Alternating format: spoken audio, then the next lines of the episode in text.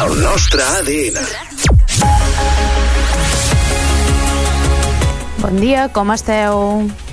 Bon dia d'ambient d'hivern, poc sol, núvols i pot ploure localment acompanyada de tempesta entre la tarda i vespre amb una temperatura màxima que no passarà dels 15 graus. Bon dia, com esteu? Són les 8 del matí d'aquest dilluns 26 de febrer de 2024. Avui a Santa Cristina d'Aro han vist sortir el sol fa justament 32 minuts i ara mateix estan a una temperatura de 10 graus. Inici de setmana amb un dilluns entre mig i força ennuvolat i serà entre el migdia i la nit quan sigui més probable que arribin alguns ruixats. En general hi haurà poca quantitat de pluja i els ruixats seran breus, però localment es podran produir produir fenòmens convectius acompanyats de tempesta i precipitació més intensa entre la tarda i també la nit. Jo sóc la Maria Alzina i això és el Supermatí, l'informatiu comarcal de Ràdio Capital i Ràdio Palafrugell i que també s'emet a Ràdio Bisbal. I ara entrem en matèria perquè hem de destacar que les empreses que conformaran el Parc Eòlic Marí de Roses eh, doncs confien que aquest estigui operatiu l'any 2026. També hem de destacar que Palafrugell prohibeix construir noves piscines durant un any. I a més a més, parlant també d'aigua, hem de destacar que Begú impulsa actuacions de millora de la xarxa de subministrament d'aigua. De seguida ho ampliarem tot a l'informatiu, però també hem de destacar que parlarem amb la directora de l'Arxiu Comarcal del Baix Empordà, la, la Carmen Maria Marguant, perquè eh, l'arxiu celebra els 40 anys aquesta setmana. I, com cada dilluns, també parlarem de llibres amb la Maria Teresa Calabús de la llibreria El Cucut. De seguida ho repassarem tot, abans, però, hem de saludar els periodistes que ens acompanyen com cada matí. Primer de tot, hem de saludar la Carla. Bon dia, Carla. Bon dia. També tenim en Ferran Castelló. Bon dia, Ferran. Molt bon dia, Maria. I també tenim en Sergi. Bon dia, Sergi. Hola, molt bon dia, Maria. I dit això, comencem amb el repàs dels principals titulars de les notícies al Baix Empordà.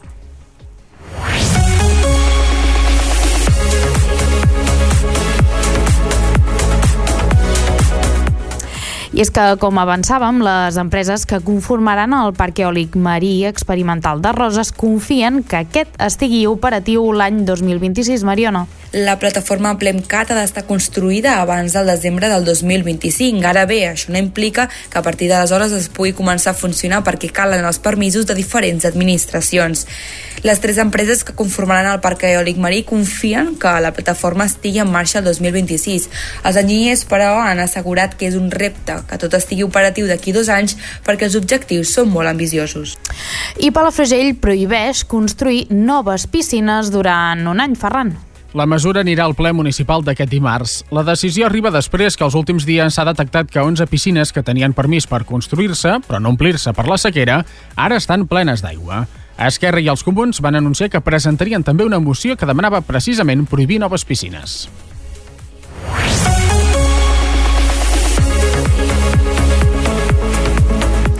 I encara parlant d'aigua, hem de destacar que Begú impulsa actuacions de millora de la xarxa de subministrament d'aigua, Carla. Durant els primers trimestres de 2023 s'ha dedicat una partida econòmica de 230.000 euros per reparar 207 fuites i dur a terme actuacions de manteniment preventiu sobre la xarxa. I també hem de parlar del malestar dels gestors forestals de les Gavarres per les curses que es fan i els corriols que s'obren sense permís a la zona. I és que asseguren que cada vegada hi ha més competicions esportives d'aquest tipus que se sumen a l'increment de persones que van al massís a passar el dia. En aquest sentit, el president de l'Associació de Gestors forestals de les Gavarres, Malció Soler, diu que hi ha curses que arriben als 800 participants i lamenta que algunes no demanen permís als propietaris. Soler també es queixa de l'obertura contínua de corriols al massís per part dels ciclistes i avisa que això erosiona el terreny. Ampliarem tota aquesta informació a l'informatiu.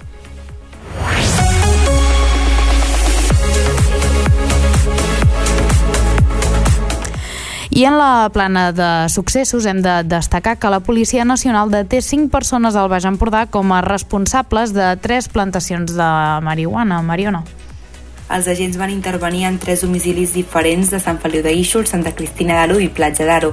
Van interceptar 90 quilos de marihuana i 53 de cocaïna, una balança de precisió i bosses d'envasatge i 350 euros fraccionats, quatre vehicles i una motocicleta. Per les investigacions realitzades, els, agents van poder comprovar com les cinc persones detingudes estaven relacionades entre si, agrupant-se ciutadans de diferents nacionalitats i formant una organització criminal estructurada. I enxampen un home robant en un establiment de la Rambla de Sant Feliu de Guíxols. I és que agents de paisà de la policia local del municipi i dels Mossos d'Esquadra van detenir la passada nit de dijous a divendres un home per un presumpte delicte de robatori amb força. L'home, segons apunten fons policials, va ser detingut infraganti mentre estava a punt d'entrar en un bar de la Rambla d'aquest municipi. I a més a més hem de destacar també en plana de successos que la Guàrdia Civil desmantella un taller mecànic il·legal a, també al mateix municipi, a Sant Feliu. La policia va tenir coneixement de la situació i després de fer indagacions, dimarts van localitzar el taller al qual s'hi feien tasques de reparació per vendre els cotxes posteriorment. En total hi van trobar fins a 7 cotxes pendents de reparar. Els policies també van veure residus perillosos com oli de motor sense cap protecció que es podria filtrar al subsol.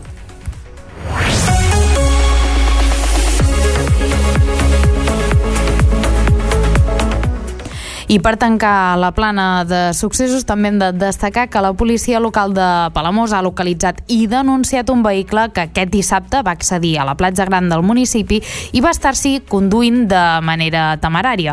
El conductor de nacionalitat francesa ha estat denunciat per aquest delicte de conducció temerària i també d'alcoholèmia, amb una sanció que supera els 1.000 euros. I ens quedem a Palamós perquè a Palamós promociona la seva oferta turística a la Fira Navatur de Pamplona, Carla. D'aquesta manera, el municipi de Palamós ha tornat a estar present per segon any consecutiu en aquest certamen, amb l'objectiu de continuar incidint en un mercat emissor a turisme per Catalunya tan important com és el del nord de l'Estat.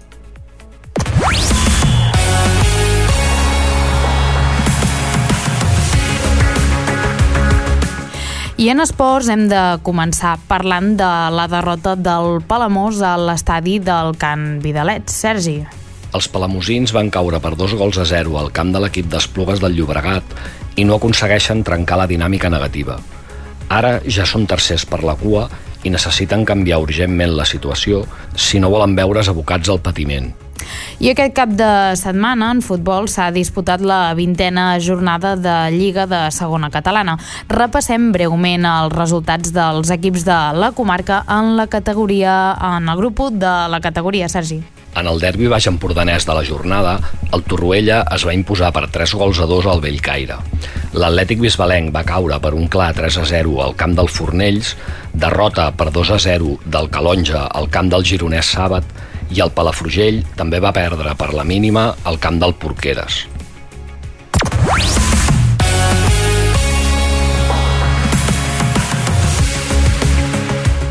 I en bàsquet, eh, una nova victòria del Bisbal Bàsquet a una de les pistes més complicades de la Lliga EVA. Els bisbalencs es van imposar al Valls per un ajustat 74 a 77 i ja sumen 19 victòries en 20 partits. Unes dades espectaculars que situen l'equip a un sol triomf de classificar-se matemàticament per disputar el play-off d'ascens a la Lliga LEP Plata. I pel que fa a l'hoquei patins, el Club Hoquei Palafrugell perd que, quelcom més que 3 punts. Derrota dels palafrugellencs a la pista del Cimar Igualada, que suposa també perdre la segona plaça. El Lloret Vila Esportiva, amb qui empataven a punts, va aprofitar per guanyar el seu partit i recuperar el segon lloc en detriment del conjunt blanc i negre.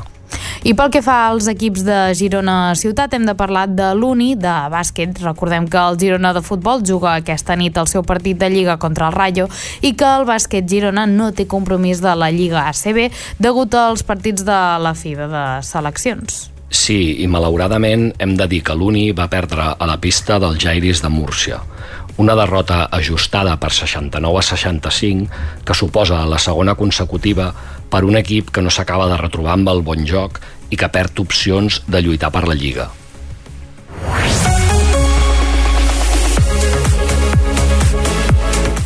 I més enllà del Baix Empordà estan passant coses. Hem de destacar eh, que a València s'ha fet un minut de silenci aquest diumenge al migdia davant dels dos edificis on hi va haver el tràgic incendi el passat dijous a la tarda. Això després que s'hagi sabut el resultat preliminar de les autòpsies de les 10 víctimes mortals. Tot apunta que van morir pel, per culpa de la inhalació de fum. L'equip de forense remarca que és un resultat preliminar, però conclouen que la majoria de víctimes van morir pel fum i no per les flames. Els bombers van demanar, seguint el protocol, que tothom es quedés als seus pisos, protegint les portes amb tovalloles humides. Doncs hem de lamentar aquesta pèrdua tan gran de vides humanes, en aquest cas, en aquest incendi que va afectar aquests dos edificis a València. I anem cap a Madrid perquè Pedro Sánchez anuncia un gran model de llenguatge d'intel·ligència artificial entrenat en les llengües cooficials. En el sopar inaugural del Mobile d'aquest diumenge a la nit, el president del govern espanyol, Pedro Sánchez, va anunciar que el seu executiu impulsarà la creació d'un gran model fundacional de llenguatge d'intel·ligència artificial entrenat específicament en castellà i en les llengües cooficials. Per tant, serà també en català, basc i gallec.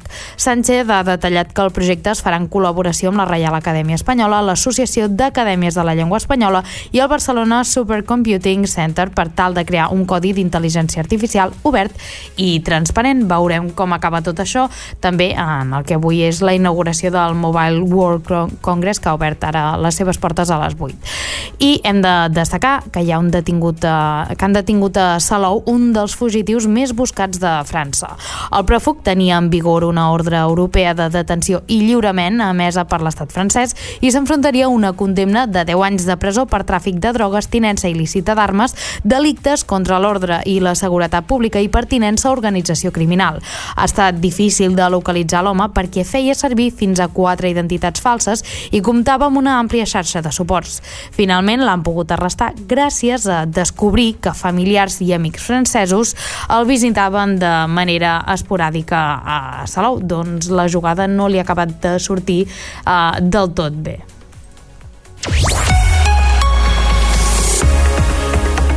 I abans de continuar amb el repàs informatiu, hem de conèixer la previsió del temps amb l'Albert Aparicio. Bon dia. Hola, bon dia. El passat divendres vam tenir calamars en alguns municipis del Baix Empordà. Es poden repetir avui aquests ruixats? Hem tingut uns darrers dies amb força activitat meteorològica, com bé dius fins i tot amb fenòmens convectius com tempesta, calamarsa o pedra, això sí, d'abast local, i aquests primers dies de setmana continuarem amb cert moviment atmosfèric que ens pot portar algun ruixat convectiu més. Inici de setmana amb un dilluns entre mig i força ennubulat i serà entre migdia i nit quan és més probable que ens arribin alguns ruixats. En general, poca quantitat de pluja i ruixats breus, però localment es poden produir fenòmens convectius acompanyats de tempesta i precipitació més intensa entre la tarda i nit. Així ho mostra l'avís de perill per intensitat de pluja que ha més el Servei Meteorològic de Catalunya per aquesta tarda al Baix Empordà.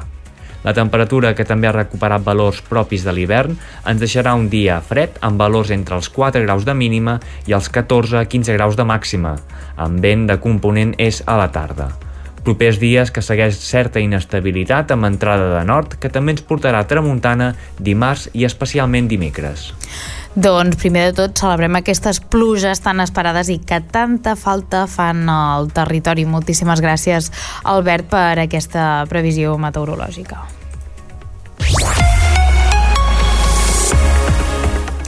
I parlant del Mobile World Congress que s'inaugura avui a Barcelona, Miquel Quaranta en parla al seu comentari. Avui comença a Barcelona la 18a edició del Mobile World Congress, un esdeveniment especial que plega més de 2.000 empreses i que, diuen alguns, aquest any hauria de reunir més de 100.000 congressistes que assistiran a la gran cita tecnològica. Ja fa anys que Barcelona es postula per ser una de les grans capitals globals de la tecnologia i la innovació i que estira de retruc el conjunt del país cap a aquesta nova revolució industrial que ve de la mà de la tecnologia, la digitalització i la connectivitat.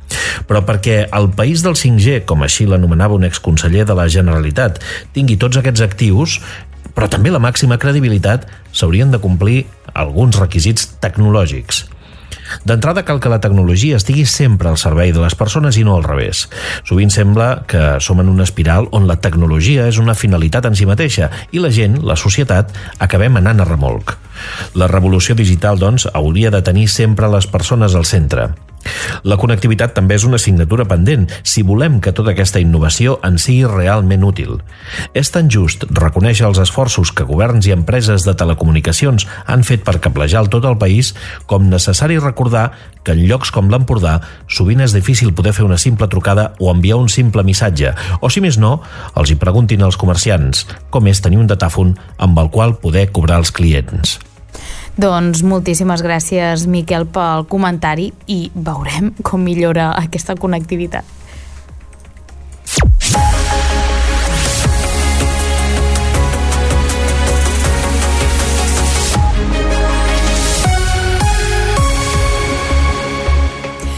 I quan passa mig minut d'un quart de nou, comencem amb el repàs informatiu de les principals notícies del Baix Empordà.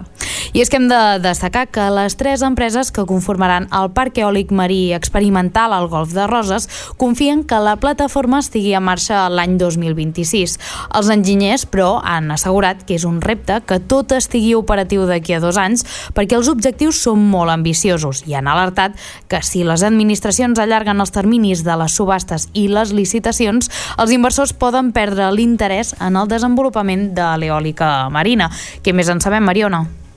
Així mateix han explicat que la majoria dels parcs eòlics que actualment funcionen al món s'ubiquen al nord d'Europa per qüestions tècniques relacionades amb la profunditat del fons marí. A Catalunya, el PLEMCAT compta amb una inversió del 80 milions d'euros que seran tots públics, 30 milions provinents de l'Estat i els 50 restants per part de la Generalitat. Estem parlant d'un laboratori de recerca punter a nivell mundial, hi ha, hi ha diferents laboratoris a mar obert, però cap d'aquestes dimensions que, que es pensa fer a Catalunya. Felicitar la Generalitat, felicitar l'IREC, és una iniciativa i el que cal ara és complir termini. La plataforma Plemcat ha d'estar construïda abans del desembre del 2025. Ara bé, això no implica que a partir d'aleshores pugui començar a funcionar perquè calen els permisos de diferents administracions. El responsable d'eòlica de l'Institut de Recerca en Energia de Catalunya i director tècnic de Plemcat, José Luis Domínguez, ha detallat que mentre que la Generalitat gestioni la plataforma, els permisos relacionats amb els recursos marins corresponen a l'Estat. A finals del 2021, el govern espanyol va publicar el full de ruta sobre el desplegament de l'eòlica marina, però encara resta pendent concretar algunes qüestions que permetin la posada en marxa real d'aquesta tecnologia. En qualsevol cas, el Plencat serà una plataforma d'assaig, una mena de laboratori de proves, del qual seran els futurs parcs eòlics marins, segons han remarcat els enginyers, i tal com explica el director de l'eòlica marina del Saner, Sergi Ametller. I hem de parlar d'aigua i de sequera perquè l'Ajuntament de Palafrugell decretarà durant un any una suspensió de llicències per la construcció de noves piscines al municipi. La mesura anirà al ple municipal de demà dimarts. La decisió arriba després que els últims dies s'han detectat que 11 piscines que tenien permís per construir-se, però no per omplir-se per la sequera, ara estan plenes d'aigua. La decisió arriba que després que Esquerra i els comuns anunciessin que presentarien una moció que demanava precisament prohibir aquestes noves piscines. Què més en sabem, Ferran? L'alcalde de Palafrugell, Juli Fernández, explica que mentre duri la moratòria, volen modificar el reglament de piscines per adequar les condicions amb què es podran dissenyar i construir.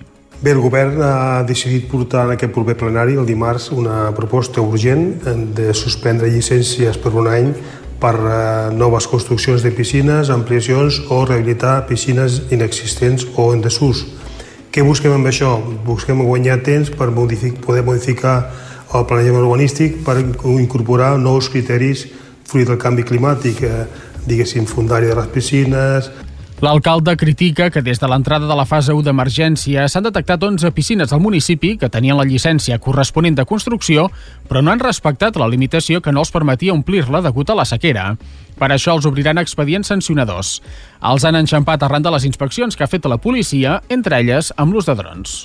I això també ve donat perquè hem vist que l'opció que hi havia de donar llicències per construir amb la limitació de poder emplenar-les hem vist que la gent, hi ha molta gent que ha incomplert en aquest cas hem detectat que han hagut 12 diguéssim eh, privats que malgrat aquestes limitacions de poder emplenar piscina les han emplenades, per tant obrirem els expedients sancionadors però pensem que la solució en aquest moment passa perquè durant un any no duen llicències per a aquestes eh, obres.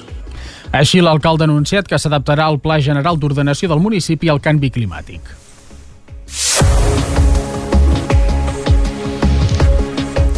I continuem parlant d'aigua perquè l'Ajuntament de Begú, juntament amb l'empresa comercialitzadora de l'aigua, Aigües de Catalunya, ha impulsat la reparació de les fuites d'aigua que afecten la localitat i que estan directament vinculades amb l'eficiència de la xarxa de subministrament. Les intervencions han estat constants amb reparacions, millores i tasques de manteniment preventiu durant tot l'any anterior per abordar aquesta qüestió crítica que es veu reflectida en el consum mitjà de litres per habitant i per dia. Tots els detalls, Carla. Tal com explica l'alcaldessa Maite Selva, actuar sobre les fuites d'aigua és una prioritat per al govern municipal. Reconeixem la importància de garantir un subministrament d'aigua eficient i sostenible i és per això que hem dedicat re recursos significatius per abordar aquesta qüestió.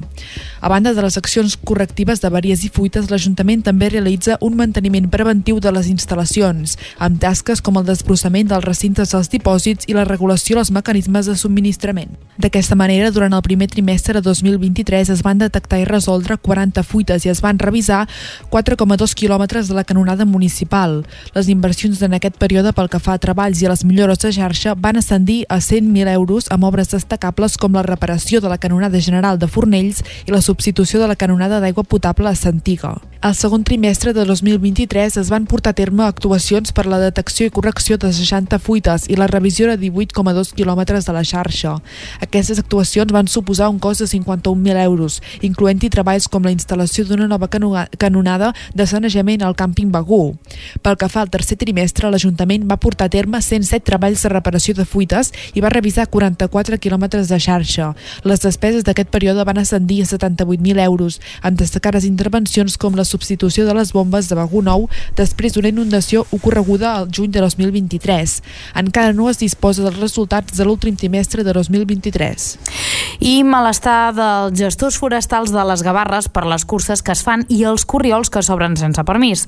Asseguren que cada vegada hi ha més competicions esportives d'aquest tipus que se sumen a l'increment de persones que van al massís a passar el dia. En aquest sentit, el president de l'Associació de Gestors Forestals de les Gavarres, Malció Soler, eh, explica que hi ha curses que arriben als 800 participants i lamenta que algunes no demanen permís als propietaris. Soler també es queixa de l'obertura contínua d'aquests corriols al massís per part de ciclistes i avisa que també erosionen el terreny i és que des de la pandèmia el nombre de ciclistes que van a aquest massís s'ha incrementat de manera destacable. Això ha provocat que cada vegada més es trobin corriols que aquests grups de ciclistes obren per tal de divertir-se i això suposa un mal de cap als propietaris forestals, ja que moltes vegades es troben que se'n creen de nous i això acaba erosionant aquest terreny i en alguns casos els perjudica. De fet, el president Malció Soler explica que ells ja tenen corriols oberts per poder arribar a fer la recolecta del suro dels arbres o per netejar espais que amb la sequera actual poden suposar un risc afegit en cas d'incendi forestal. Per això Soler es queixa que no els demanin permís i que s'obrin aquests petits camins per a bicicletes per on volen i quan volen. Soler deixa clar que en cap cas volen restringir el nombre de persones al massís, ja que és important, sinó que exigeixen que es demani permís als propietaris si es vol obrir un corriol i si aquests els hi dona, doncs que ho facin. Un permís que Soler també reclama a les curses esportives que hi ha que, eh, que cada vegada van a més a les Gavarres. Es tracta d'unes competicions que en alguns casos poden reunir fins a 800 ciclistes amb el que això suposa per a aquesta zona. El president dels propietaris considera inaudit que no es demani aquest permís als propietaris en algunes d'aquestes curses i va més enllà, ja que demana que una part de la quota eh, que s'exigeix per participar vagi a parar als gestors per a un pas a la cursa, una quota que proposa que sigui d'uns 2 euros eh, per participant.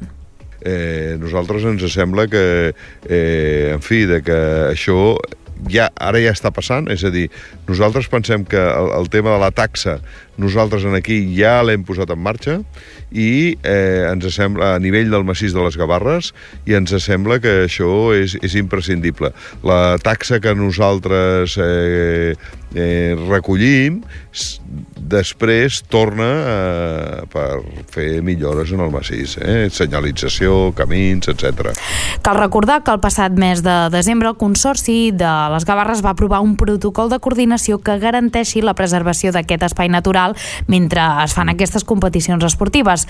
L'ENS fa temps que ha constatat que cada vegada són més les proves que es fan al massís i que això ha suposat un repte a l'hora de garantir la preservació de l'espai natural protegit. El protocol preveu la coordinació entre administracions però no suposa cap tràmit extraordinari per les entitats organitzadores d'aquestes competicions. El document, que es vol revisar anualment, fixa un calendari trimestral amb totes les sol·licituds registrades per fer competicions. D'aquesta manera es podrà regular totes les activitats que s'hi fan i garantir que no es malmet aquest espai natural.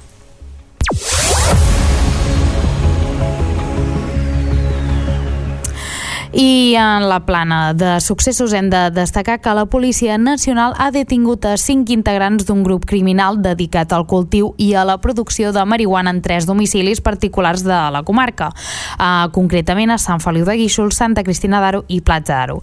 Els detinguts cultivaven la droga en els domicilis particulars, enganxant-se a la llum del subministrament elèctric de manera il·legal. Què més en sabem, Mariona?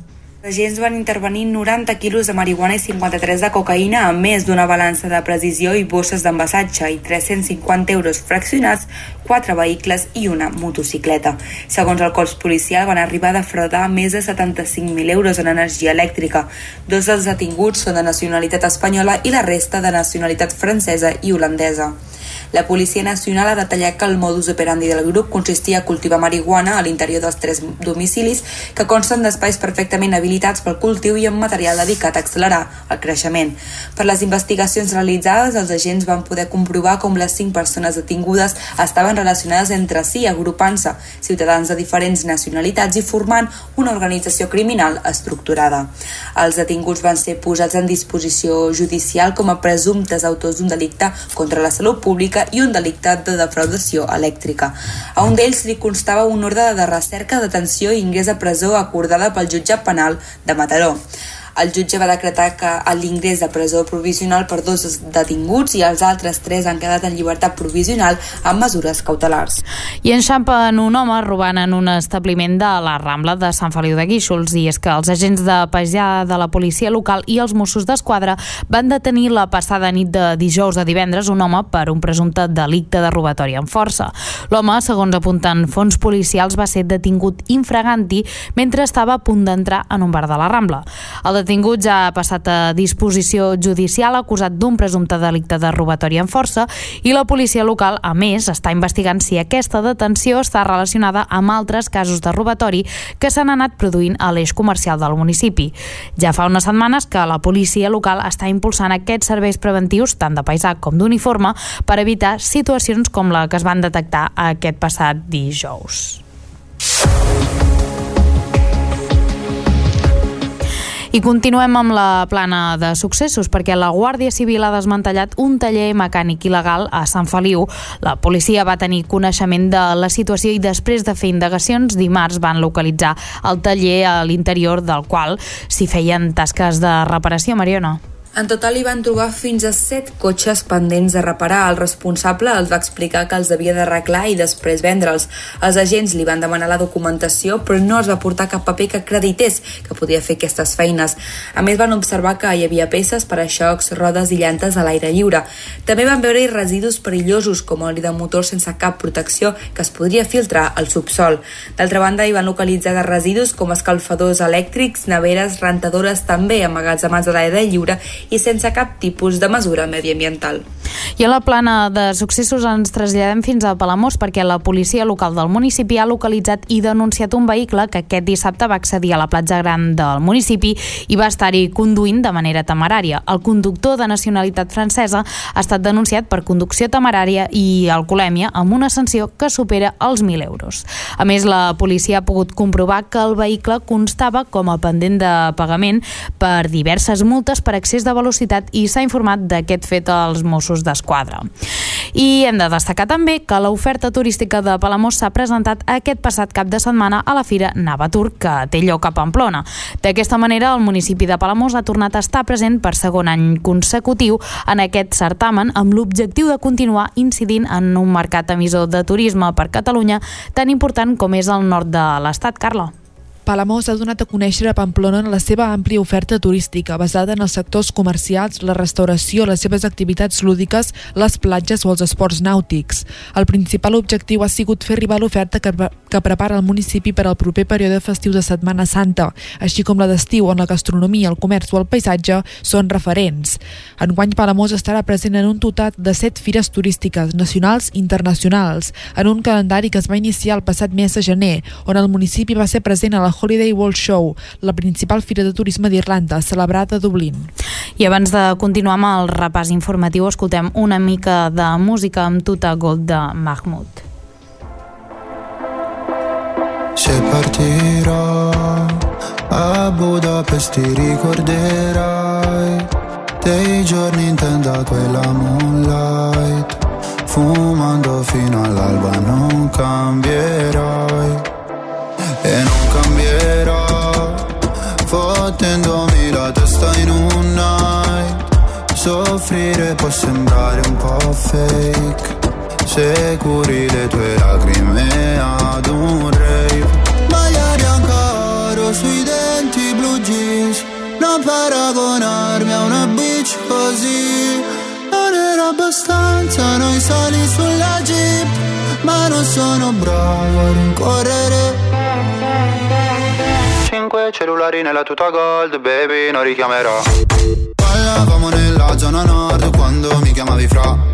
Con i fiori fiori nella tuta gold, tu ne fumavi la metà. Mi passerà, ricorderò, i gileni ripieni di zucchero. Cambio il numero. Cinque cellulari nella tuta gold, baby, non richiamerò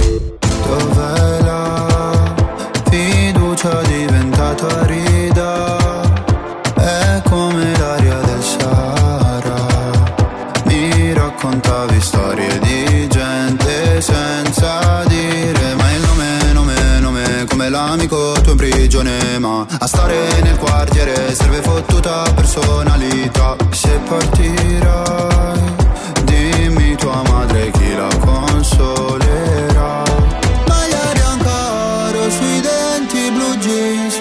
Non paragonarmi a una bitch così. Non era abbastanza noi sali sulla jeep. Ma non sono bravo a rincorrere. Cellulari nella tuta gold, baby, non richiamerò. Ballavamo nella tuta gold, tu ne fumavi la metà. Mi passerà, ricorderò, i gileni ripieni di zucchero Cambio numero. Cinque cellulari nella tuta gold, baby, non richiamerò. Mi hanno fatto bene le offese. Quando fuori dalle medie le ho prese ho pianto. Dicevi ritornatene al tuo paese. Lo sai che non porto rancore. Anche se papà mi richiederà di cambiare cognome. Ballavamo nella zona nord quando mi chiamavi fra Con i fiori fiori nella tuta gold. Tu ne fumavi la metà Mi passerà, ricorderò I gileni ripieni di zucchero Cambio il numero. Cinque cellulari nella tuta gold Baby non richiamerò. Cinque cellulari nella tuta gold Baby non richiamerò.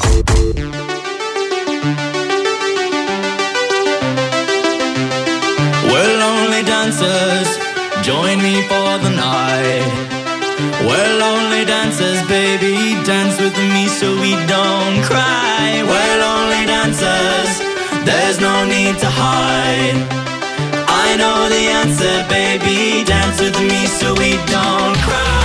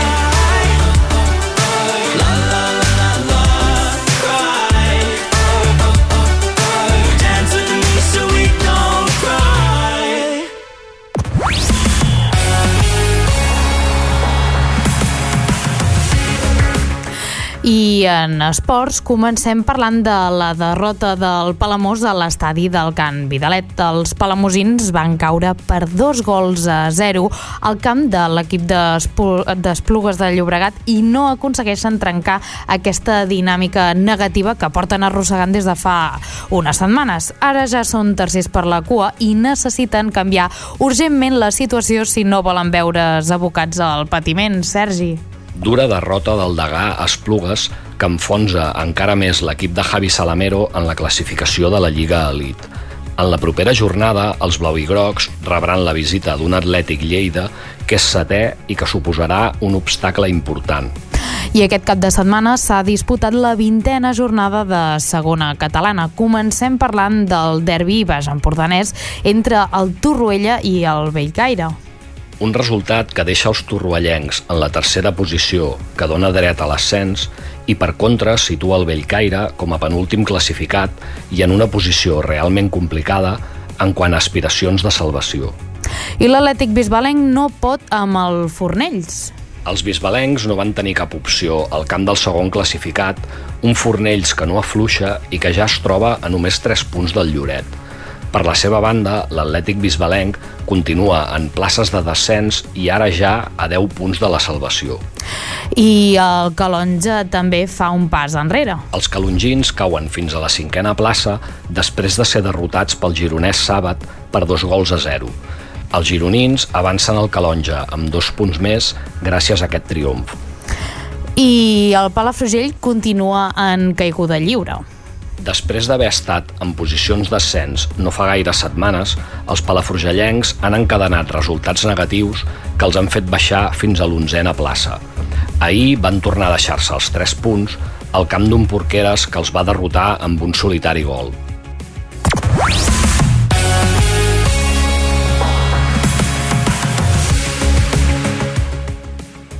I en bàsquet, una nova victòria del Bisbal Bàsquet a una de les pistes més complicades de la Lliga EVA. Els bisbalencs es van imposar al Valls per un ajustat 74 a 77 i ja sumen 19 victòries en 20 partits. Unes dades que són espectaculars, que situen a l'equip a un sol triomf de poder classificar-se matemàticament per disputar el playoff d'ascens a la Lliga LEP plata. Sergi, què més en sabem? El sol gironès va dominar la major part del partit, jugat al pavelló Joana Ballart, però l'empenta dels locals en l'últim quart va estar a punt de forçar la pròrroga. Els bisbalencs van resistir davant d'un Valls que probablement ha estat un dels equips que més dificultats ha posat els de Carles Rofes fins ara. I pel que fa a l'hoquei patins, el club hoquei Palafrugell perd a eh, més que 3 punts. Derrota dels palafrugellencs a la pista del Cimari Igualada, que suposa també perdre la segona plaça. El Lloret Vila Esportiva, amb qui empataven a 3 punts, va aprofitar per guanyar el seu partit i recuperar el segon lloc en detriment del conjunt blanc i negre. Sergi. L'Igualada va vèncer el duel per 4 gols a 2, un resultat que hauria pogut ser més contundent.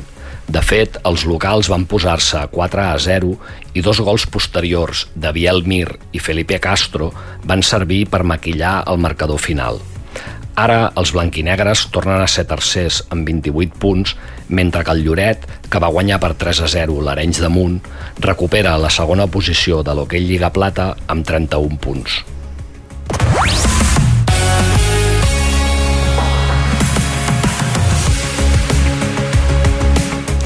I pel que fa als equips de Girona Ciutat, hem de parlar de l'Uni de bàsquet. Recordem que el Girona de futbol juga aquesta nit el seu partit de Lliga contra el Rayo i que el bàsquet Girona no té cap compromís de la Lliga CB degut als partits de FIBA de seleccions.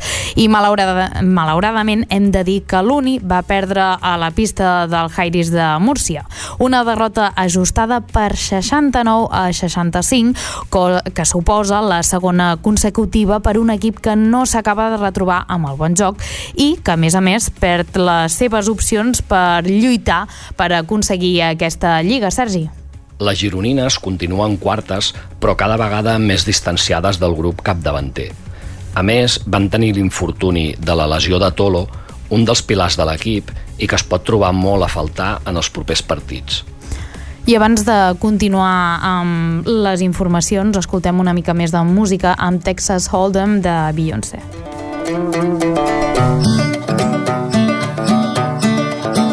This ain't Texas, ain't no Hold'em.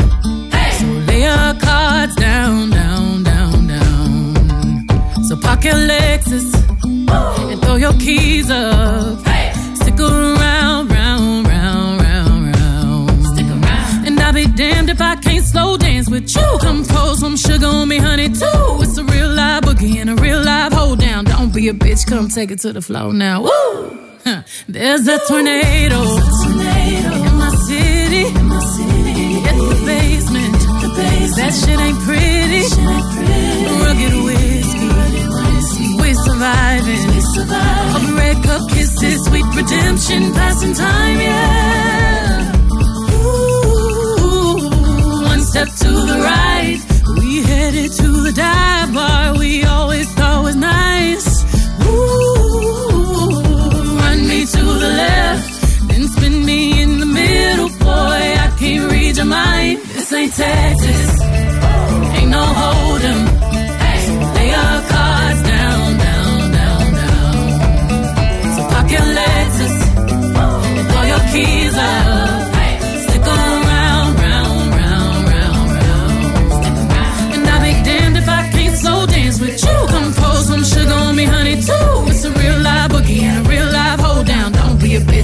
Take it to the floor. I'll be damned if I cannot dance with you. Come pour some liquor on me, honey, too. It's a real live boogie and a real live hold down. Don't be a bitch, come take it to the floor now.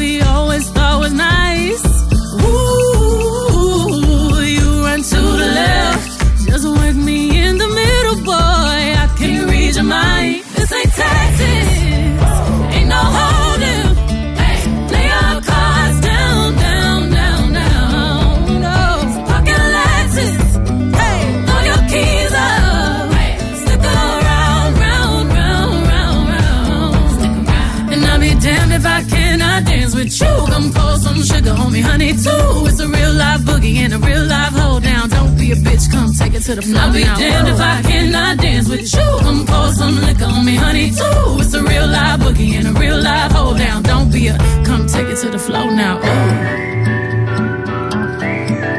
Take it to the floor now. Ooh.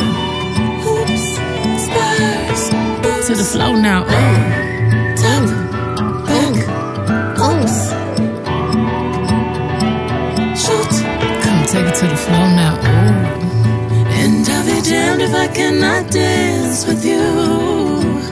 Baby, pour that sugar and liquor on me too.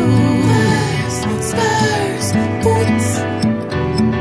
Sologenic, photogenic,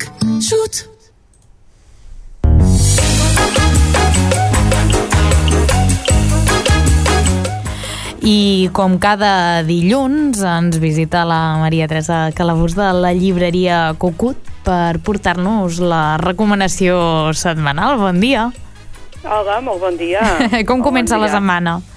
Bueno, ja ho veus, eh? Ni, ni, ni plou ni fa sol. Exacte, sí, sí, crec que aquests dies fa... a mi em posen estranya perquè dic, prefereixo Eh que que, sí? que plogui.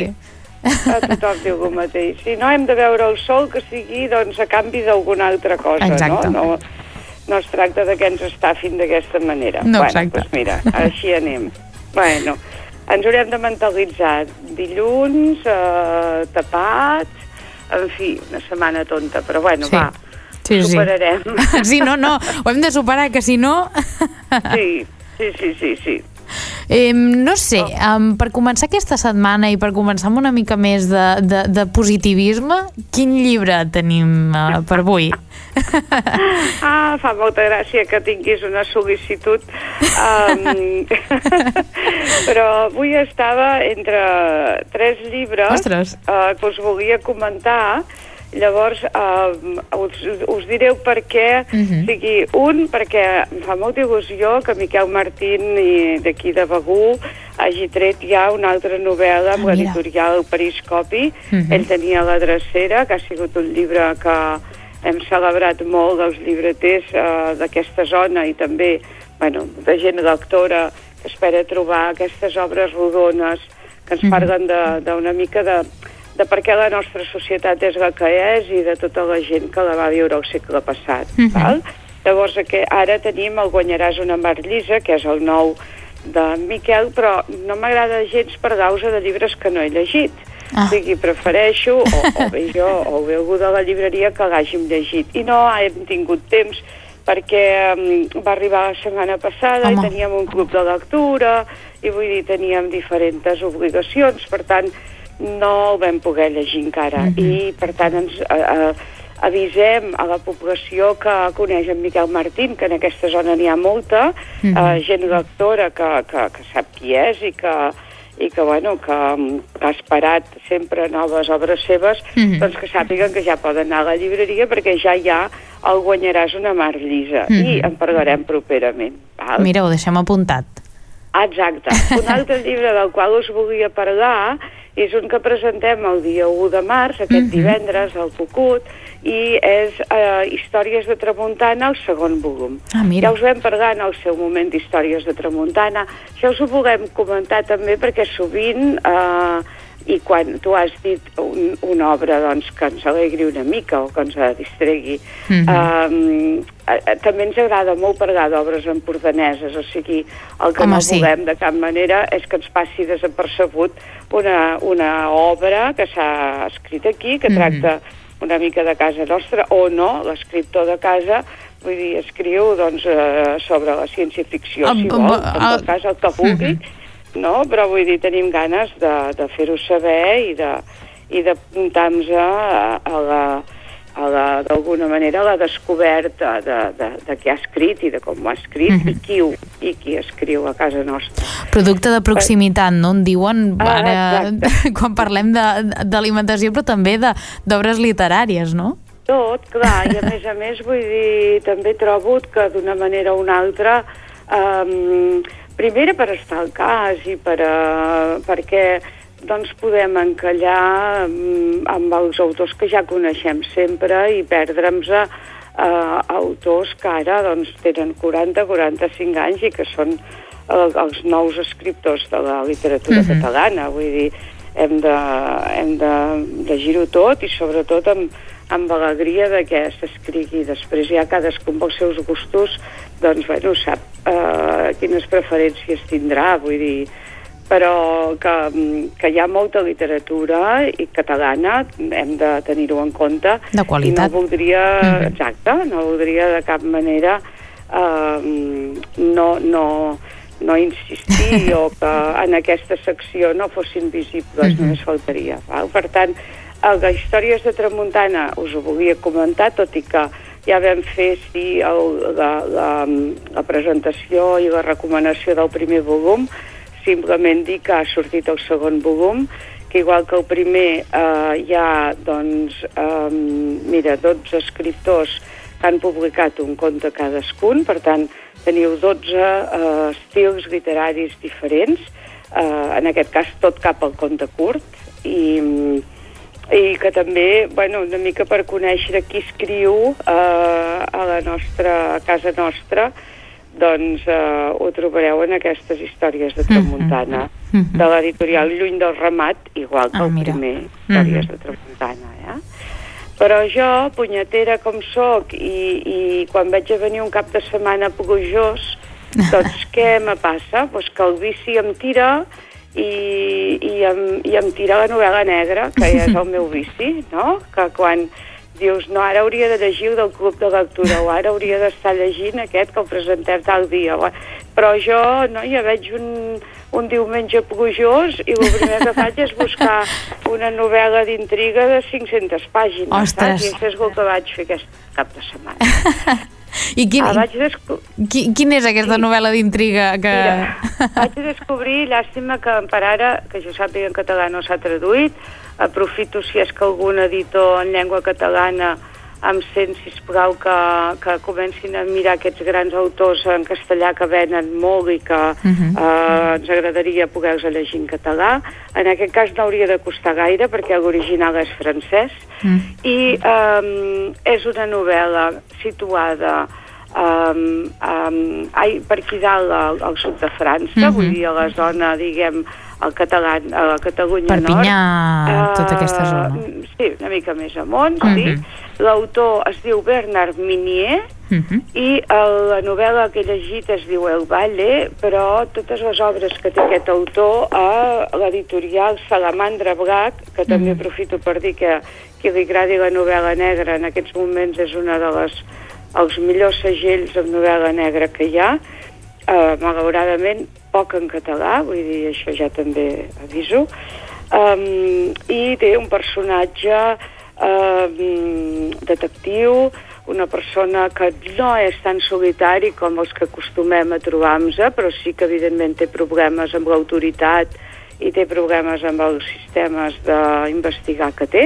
Mhm. Um, en aquest cas, una història situada en una població petita amb, uns, amb un assassí en sèrie que um, demostra una capacitat de preparació dels assassinats molt meticulosa i una posada en escena perquè quan es trobi el cos sigui impactant i sigui una mica dur de veure, o sigui, aquestes Mhm. novel·les d'intriga un... podria semblar pel que us he dit ara de sang i fetge, no és el cas perquè és un escriptor de la línia de Mankel, és un Mhm. escriptor de la línia dels autors que reflexionen sobre um, la, la maldat, sobre la solitud, sobre els espais, diguem, en els quals um, passa aquest fet, és a dir, les novel·les nòrdiques d'alguna manera s'han fet famoses, la novel·la negra nòrdica, Sí, perquè sí, sí, tot exacte. està en aquells ambients tan freds, tan tancats, tan, tan devastadors, no? que a més a més hi sol haver grans espais sense Mhm. gent, eh, perquè el que domina és la neu. Vull dir, Clar. en aquest cas, doncs, això també és important, que sigui un lloc petit, un lloc tancat, en el qual gairebé tothom es coneix, que hi ha un monestir amb uns monjos i hi ha doncs també eh, bueno, la, la gent del poble Mhm. amb autoritat, eh? l'alcaldessa, eh, els, els eh, municipals, vull dir, aquesta, aquest, aquest bé, el, el tipus d'habitants que hi ha en un poble petit, i en, a, a partir d'haver descobert dos eh, cadàvers, eh, hi ha un esllavissament de la muntanya que Mhm. tenca el pas eh, cap a l'exterior d'aquí, per tant... És l'aïllament, sí, sí. Exacte. Assassí i poble queden tancats a dintre el que és el Valle, que és Mhm. el títol de la novel·la. Mhm. Em recorda una mica a una novel·la de la Laia Vilaseca, que també, La noia Ah. del vestit blau, Eh? Eh, m- M'estàs parlant del llibre i, i estic recordant també una mica aquesta història de, així en, en, en novel·la negra i, sí. i, i la veritat crec que aniré a comprar el llibre perquè és que eh, és un gènere que, que m'agrada m'agrada llegir-lo. Bueno, a, veure, jo mm, el motiu pel qual eh, agafo en situacions així novel·la negra és quan estic més estressada, quan tinc més feina o, o quan de veritat he de desconnectar perquè en definitiva és la que m'abadeix més, vull dir, si Mhm. m'agradés la romàntica poder l'agafaria romàntica, però amb la negra és amb la que hi ha menys persones Mhm. per identificar-me Ah, sí. i més més fàcil doncs, eh, seguir la trama. La Gaia Vilaseca, aprofitant que ho dius, té una novetat sí. que es diu Villa del Silenci i a més a més serà en el berenar literari el dijous Ah, sant, mira, el 28 ostres. de març, que em consta que Ràdio Capital serà aquí. Vull sí, dir i que tant, sí, sí, sempre ens agrada ser-hi apuntar-te, doncs la coneixeràs. Jo, jo Porta sempre, sempre m'apunto tot, jo sempre m'apunto tot. I l'any passat vaig tenir el plaer de poder parlar amb ella i conversar sobre, sobre aquests llibres. I va ser justament en el berenar literari quan um, vaig aconseguir uh, doncs aquest exemplar de, de, de la noia del vestit blau que de debò que em va agradar molt vull dir... Ja, ja bé. doncs, doncs repetiràs. Sí, exacte, exacte. Se, sempre s'ha de, de repetir si, si una cosa és, és espectacular, vull dir... Bueno, i sobretot, clar, com que va canviant també eh, els mm. títols, els, els escriptors a vegades repeteixen perquè treuen novetat cada vegada, Sí. però però vull dir, normal, la novel·la sempre és nova, vull dir, perquè Mm. els escriptors que venen han d'haver tret novetat el, del, de l'abril del 23 o maig Sí, del exacte. 23 eh, eh, fins ara, març del 24, o sigui que el llibre segur que és nou. Mm -hmm. Eh, Sí, I sí. n'hi ha molts nous. No, no, i... Doncs bé, ja ho veieu. Ai, perdó. No, no volia t'he dir que, que el berenar literari, per qui no ho sàpiga, és, és un esdeveniment on, on s'ajunten tots aquests autors amb novetats en allà a la llibreria Cucut i, i és de debò que un espai d'intercanvi meravellós, la veritat. Sí, sí, sí, està molt bé el berenar. Ho, ho puc dir perquè com que, com que és una, és un, una situació que ha crescut Mhm. gràcies a tothom, vull dir, no, no, no ens posem la medalla al cucut, sinó que la, la repartim, perquè d'això es tracta. Um, doncs això, vull dir, sí que podem dir que és un, una tarda fantàstica i que tothom Mhm. està, està convidat. Sí, sí. Mm -hmm. Doncs... Um, Doncs, en principi, després d'haver parlat de 4 o 5 obres avui, perquè hem parlat de moltes, Sí. eh, en definitiva, recomanàvem o, Mhm. o proposàvem El Valle, l'autor Bernard Minier, eh, francès, i la col·lecció Salamandra Black de l'editorial Salamandra. Mm -hmm. Mm -hmm. I també convidar els editors que, que vulguin traduir-ho en català, perquè també és Sí, important. que algú, que algú que tingui una mica allò, jo què sé, de, de, de, de, d'economia sanejada, perquè tampoc sabem en quina situació es Mhm. troben, però que Sí, si no poden traduir us hi agrairíem moltíssim, vull dir, aquest com molts d'altres, eh? Podem fer llista Sí. d'autors Sí, exacte, i- eh, de tots els gèneres literaris que els trobem a faltar en català. Mm -hmm. Però últimament el tema dels autors francesos, sobretot quan parlem de novel·la negra, s'està impulsant bastant, perquè, per exemple, Joel Dicker um, també està arribant en català, per exemple, que és, Sí, seria un dels autors Dicker- destacats. Sí, però Dicker ja des del primer volum Mm. va sortir en català, perquè això va ser una aposta d'Elisabel Martí quan estava a la campana. Mhm. I el primer Dicker va sortir amb el Faguara castellà i, i, I amb la campana en català. Mm -hmm.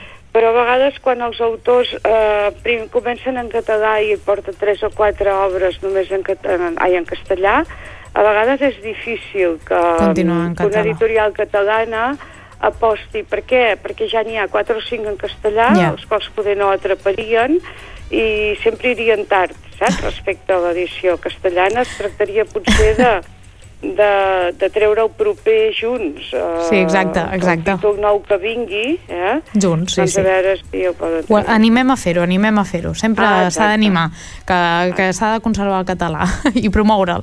Exacte. doncs moltíssimes gràcies, Maria Teresa. Calabús, i per aquesta, re- aquestes grans recomanacions per començar la setmana. Moltíssimes gràcies. A vosaltres. que vagi Bon molt bé. dia. Adéu, adéu. Adéu, adéu.